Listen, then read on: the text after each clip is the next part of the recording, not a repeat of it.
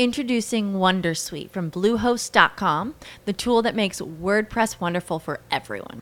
Website creation is hard, but now with Bluehost, you can answer a few simple questions about your business and goals, and the Wondersuite tools will automatically lay out your WordPress website or store in minutes. Seriously. From there, you can customize your design, pick your brand colors, and add blocks. No custom theme or coding required. You'll get content suggestions that you can keep or revise, and with Yoast SEO built in, we automatically help you get found in search engines. From step by step guidance to suggested plugins to an AI powered help bot. Our built in tools make WordPress wonderful for everyone. Maybe that's why Bluehost has been recommended by WordPress.org since 2005. Whether you're a beginner or a pro, you can join over 2 million Bluehost users. Go to bluehost.com slash Wondersuite. That's bluehost.com slash Wondersuite.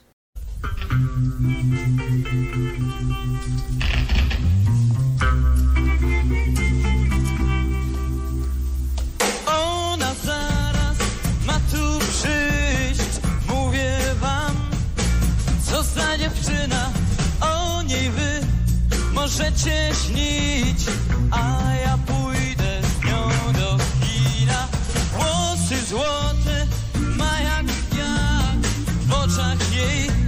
Dzień dobry, witamy słuchacze Sensji Kwadransa w czwartek 11 stycznia 2024 roku. W dzisiejszej audycji powracamy do jednej z pierwszych naszych rozmów z Maciejem Zarębą Bielawskim, który na co dzień mieszka w Sztokholmie, teraz w Sztokholmie bardzo, bardzo zimno. Pozdrawiamy zatem gorąco pana Macieja Zarębę Bielawskiego, autora książki Dom z dwoma wieżami. Stąd tytuł naszej dzisiejszej audycji Dom z dwoma wieżami. Dwie gałęzie jego genealogii zostały przez niego omówione. No a te gałęzie zostały przecięte wtedy, kiedy w roku 1968 władza wówczas komunistyczna wykorzystała polski antysemityzm do wypędzenia części obywateli z Polski. Wśród tych obywateli był Maciej Zaręba-Bielacki ze swoją mamą. Stąd towarzyszą nam dzisiaj piosenki i Czerwony Gitar, co to za dziewczyna piosenka z 67 roku, która się pojawia tuż przed wydarzeniami marcowymi. Piosenka Jacka Kaczmarskiego Doświadczenie marca 68 roku i, i piosenka na koniec Jacka Kaczmarskiego Wojna. Rzadko ta piosenka się pojawiała w naszych audycjach, rzadko w ogóle ona się pojawia wśród osób znających twórczość Jacka Kaczmarskiego, tym bardziej prosimy naszych słuchaczy o wsłuchanie się w jej słowa i przypomnienie sobie jej. A my prosimy Państwa o przypominanie sobie audycji Radia z charakterem Śniadań z Mistrzem Esencji Kwadransa. No i do usłyszenia jutro w piątek. Wszystkiego dobrego.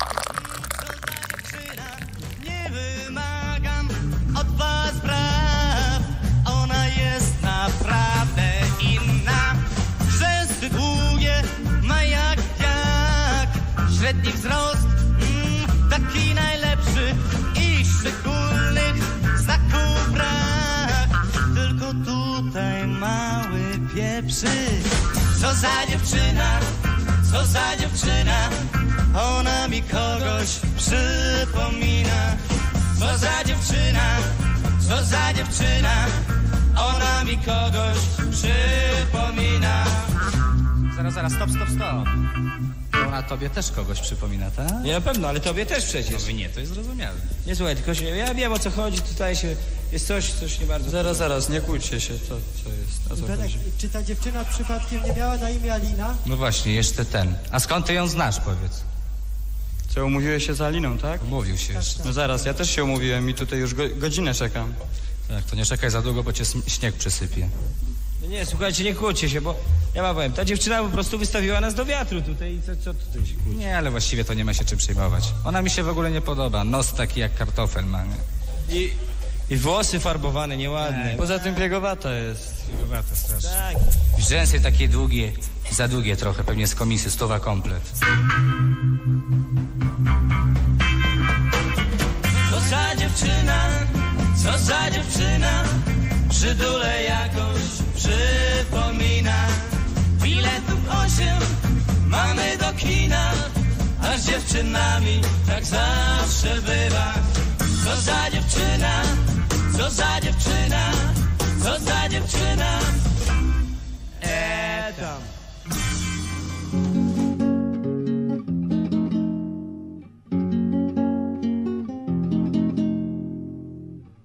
Jutrzenka moich politycznych wrażeń. Beztroska wiosna życia jedenasta.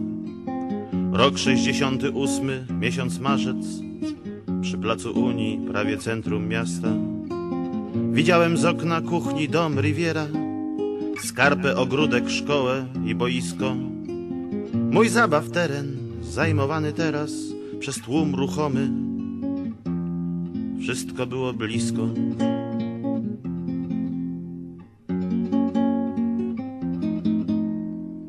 Przyleciał po mnie mój kolega Jujo. Idziemy patrzeć, rozkazał ty ciapo. Wiesz co jest grane? Studenci demonstrują. Gestapo! Brzmiało z okien. Gestapo. Pobiegliśmy wpierw na ulicę Polną, gdzie grał warkot drukarń życia Warszawy. Przejść przez ulicę nie było nam wolno, kolumna wozów ZOMO garść ciekawych. Stały z niebieskiej blachy ciężarówki, paru gliniarzy ze znudzoną miną. Wzdłuż polnej lśniły czarnych butów skówki i usłyszałem czyjś szept golędzinów. Było tak cicho i nic się nie działo, żeśmy pobiegli bez namysłu dalej Szczeniakom wrażeń przecież zawsze mało, zwłaszcza, że lęku nie czuliśmy wcale.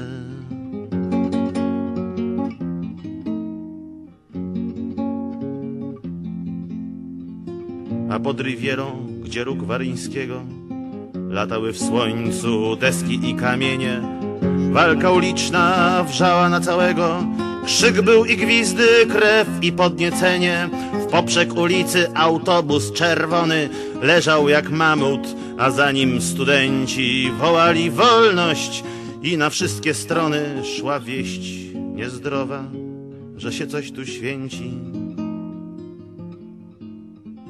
Z daleka ludzie cisi, przestraszeni, patrzyli jak się patrzy na ognisko, z tą fascynacją, szaleństwem płomieni, do których lepiej nie podchodzić blisko. A potem mama Juja nas zabrała, ciągnąc do domu za rozgrzane uszy. Nie wiecie, łkała, co ja przeżywałem, a nam pytania krążyły po duszy.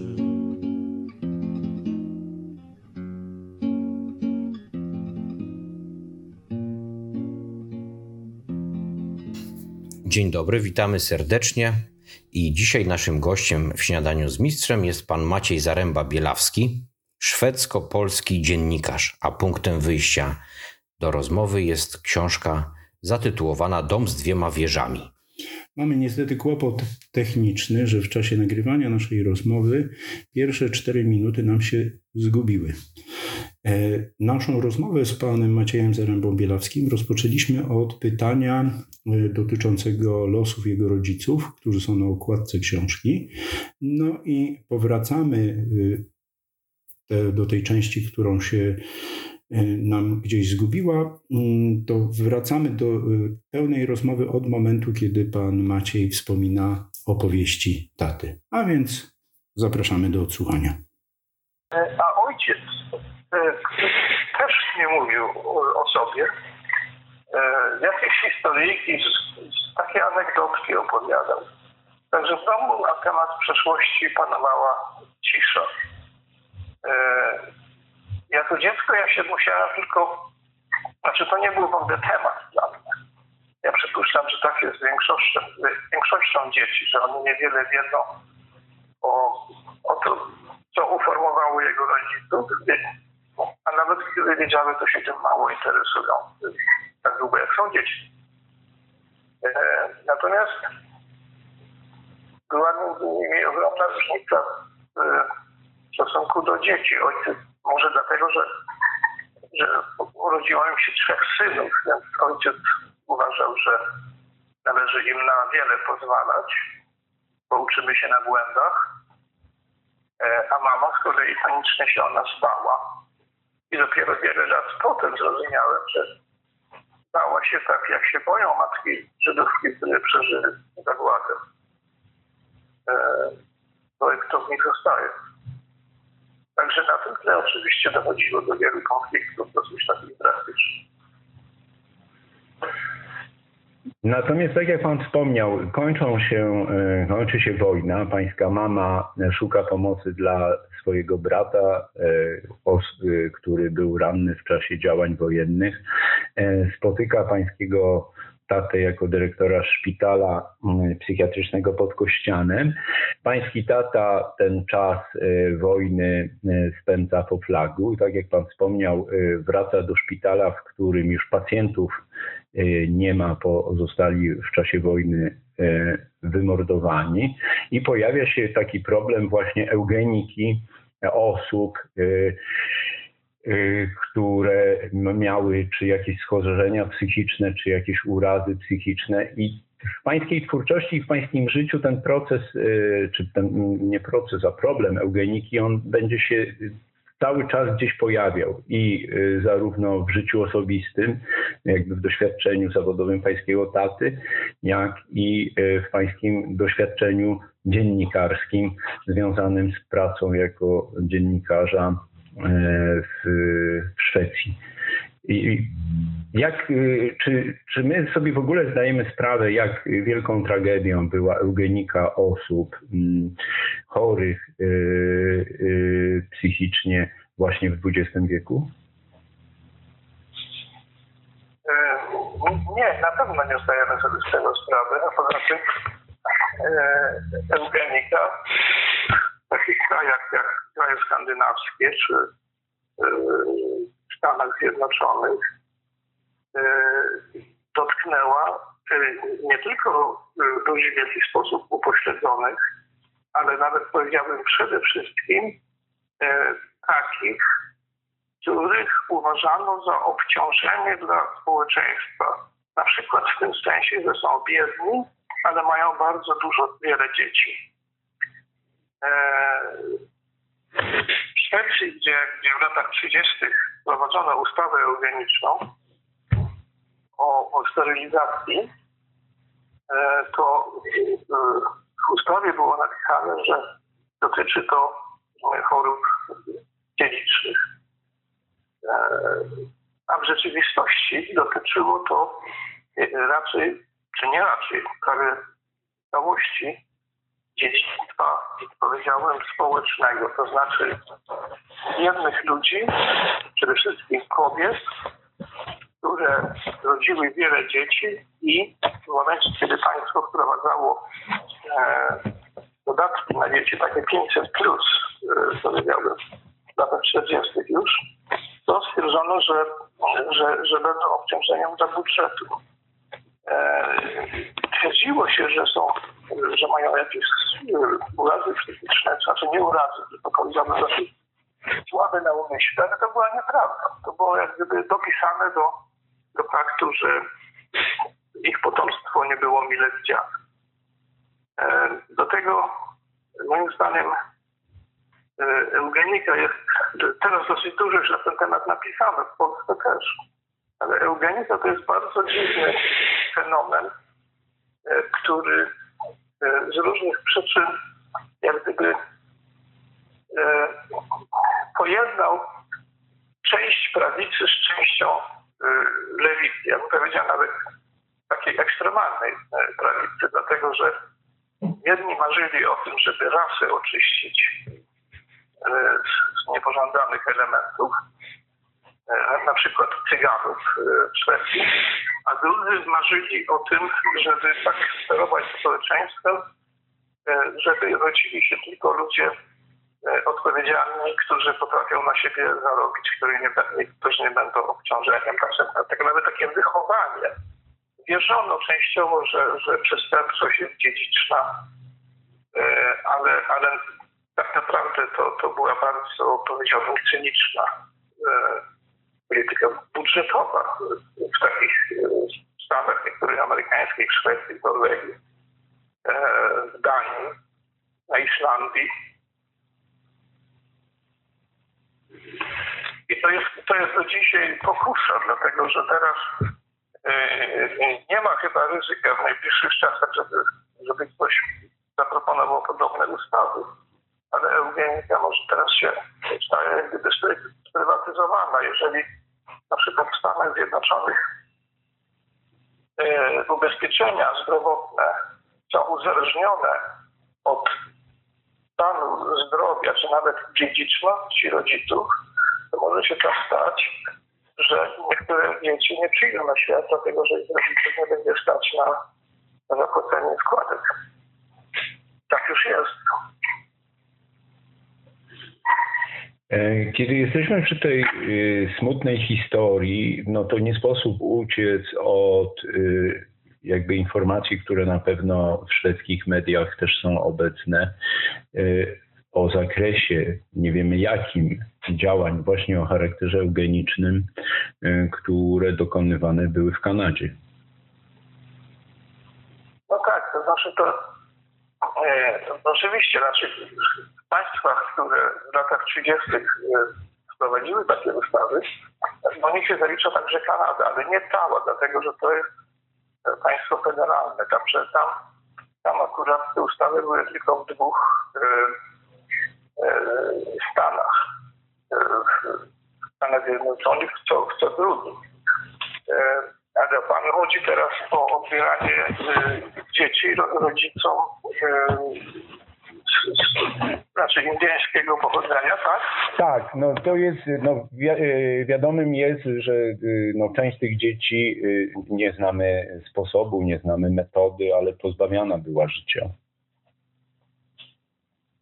Albo życia, albo płodności, więc to coś podobnego miało miejsce w, w krajach skandynawskich też, to znaczy jak ja studiowałem te, te dokumenty wskazujące na, na sterylizację, to tam mogły występować takie e, zdania, że osoba pochodzenia cygańskiego na przykład.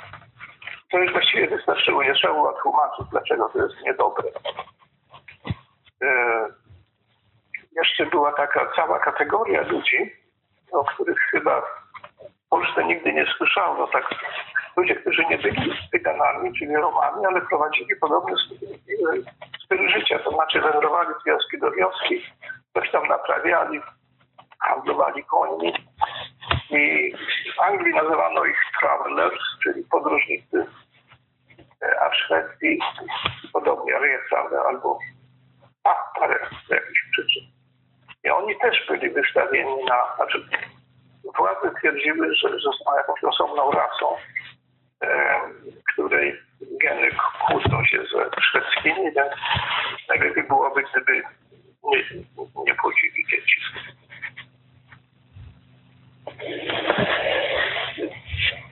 Jak y, pan y, wspomina y, swoje dzieciństwo, które pan wzrastał, które funkcjonowało tak jak w przypadku wielu rodzin lekarskich, w cieniu zawodowej pracy rodziców, w cieniu pracy w szpitalu, gdzie te światy się przenikały w naturalny sposób, bo e, ktoś mieszka blisko miejsca pracy, czyli blisko szpitala i musi być bardziej dyspozycyjny w związku z obowiązkami lekarskimi. Jak ten, e, kiedy pan zrozumiał złożoność właśnie tego świata i leczenia osób psychiatrycznie chorych, typu pracy choćby pańskiego taty, ale także wpływu tej pracy jakby na życie osobiste? No, chyba do dzisiaj nie zrozumiałem. E, tak się, tak się dziwnie składa, że ja pierwsze 5-6 lat życia spędziłem w szpitalu psychiatrycznym, dlatego że mieszkaliśmy na terenie szpitala. Zresztą w takim domu właśnie z dwiema wieżami. Bardzo e, porządnej budowli. I całe moje dzieciństwo, te, te pierwsze lata, to odbywało się na miejsce w parku po którym spacerowali sobie e, pacjenci razem z ewentualnie z jakimś pielęgniarzem albo i bez. Z tego co ja pamiętam, to tam w tym parku w ogóle nie było dzieci, także ja e, kontakt z innymi dziećmi miałem bardzo słaby. Dopiero jak się przenieśliśmy do Poznania i poszedłem do szkoły, to zauważyłem, że jest ta okropna kategoria ludzi, które zwą się dziećmi i jak się okropnie zachowują, jak trudno z nimi e, współżyć. Także dzieciństwo miałem pod tym względem dosyć natomiast dziecko się chyba nie, nie, nie stawia sobie tak skomplikowanych pytań, jak to pan też sformułował. Wiedziałem, że rodzice są ciągle zajęci, ale ponieważ nie miałem innych rodziców, to zakładałem, że wszyscy tak mają. E, wiedziałem, że z tatą nie można zagrać w piłkę, bo się nie grało w piłkę, ale dopiero chyba jak miałem 10 lat, to zrozumiałem, że to że są dzieci, z którymi ojcowie grają w piłkę, bo są o 30 lat młodsi. Tata miał, kiedy ja się urodziłem, to, e, to ojciec miał ile? 60 lat. Także nie mogę odpowiedzieć, bo nie mam innego dzieciństwa, z którym mógłbym porównać. Tak jak Pan y, powiedział, y, z Kościana przenosi się Pan do Poznania. Poznań, duże miasto i w tym mieście Pan dorasta i w tym mieście dopada Pana historia, tak jak Pan powiedział, która gdzieś była schowana, schowana w szufladzie, która nie funkcjonowała jakby w obiegu, została wymuszona przez y, działania polityczne, przez system polityczny. Y, czym dla e, takiej osoby y, stagmatyzowanej w 1968 roku był ten rok dla Pana, kiedy nagle e, coś, co e, jakby nie istniało, nagle zaistniało w sposób taki strasznie demoniczny?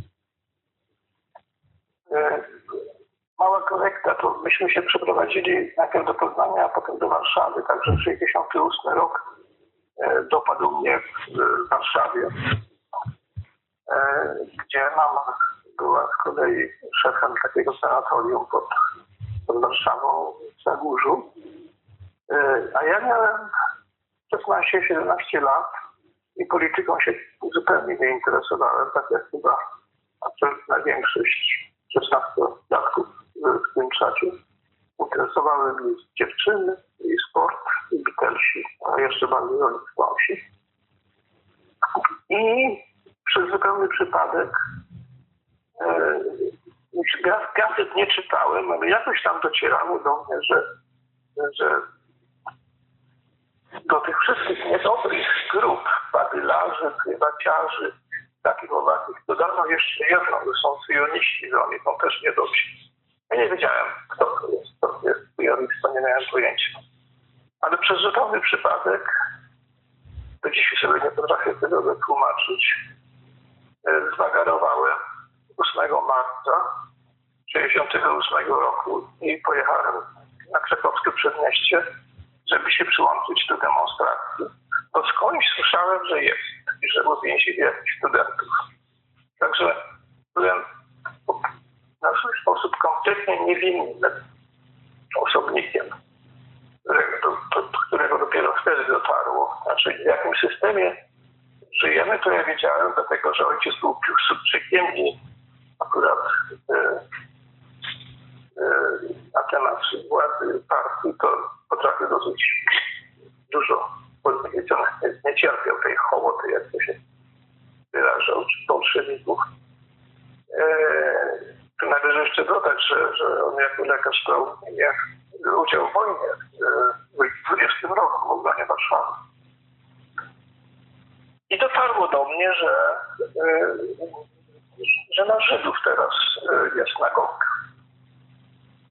I, I to nawet nie było największym szokiem, dlatego że ja nie miałem żadnych iluzji co do tego, co partia komunistyczna potrafi wymyślić. Natomiast szokiem był widok pałowania na krakowskim przedmieściu, bo ja nigdy wcześniej czegoś takiego nie widziałem.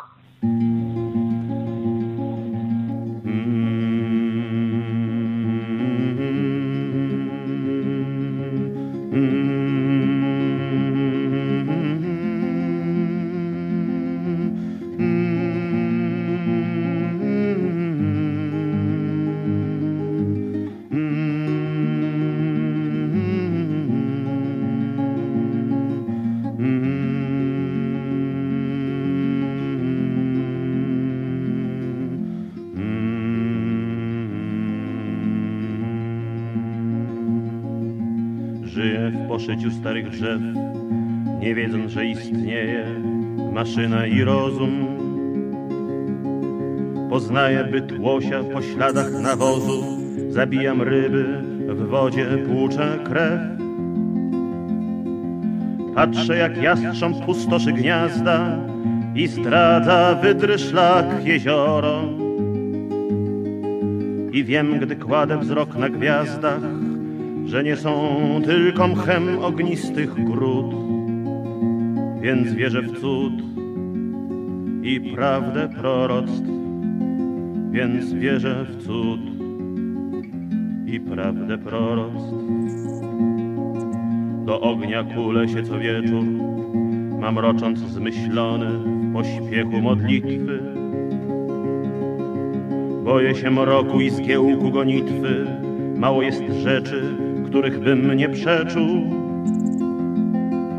Jestem dostarczy, żeby istniał świat, wróżę ciśniętą w płomień korą. I widzę w sobie szał i ład, jak w lustrze ognia widzę żar i chłód. Więc wierzę w cud i prawdę proroctw, więc wierzę w cud i prawdę proroctw. Ludzie są źli, znam dobrych paru, nie zabiją orła, by mieć pióro pusze. A rasie zwycięzców nie zajrzeć im w duszę, Bóg ich kocha człowieka, nie ludzkość czy naród. Gadzim rozumem rządzi trwoga, a w strudze słońca letnią porą. Na trawą wyścielanych drogach nie kładzie śladów ich spokojny chód. Więc wierzę w cud i prawdę proroctw, więc wierzę w cud i prawdę proroctw.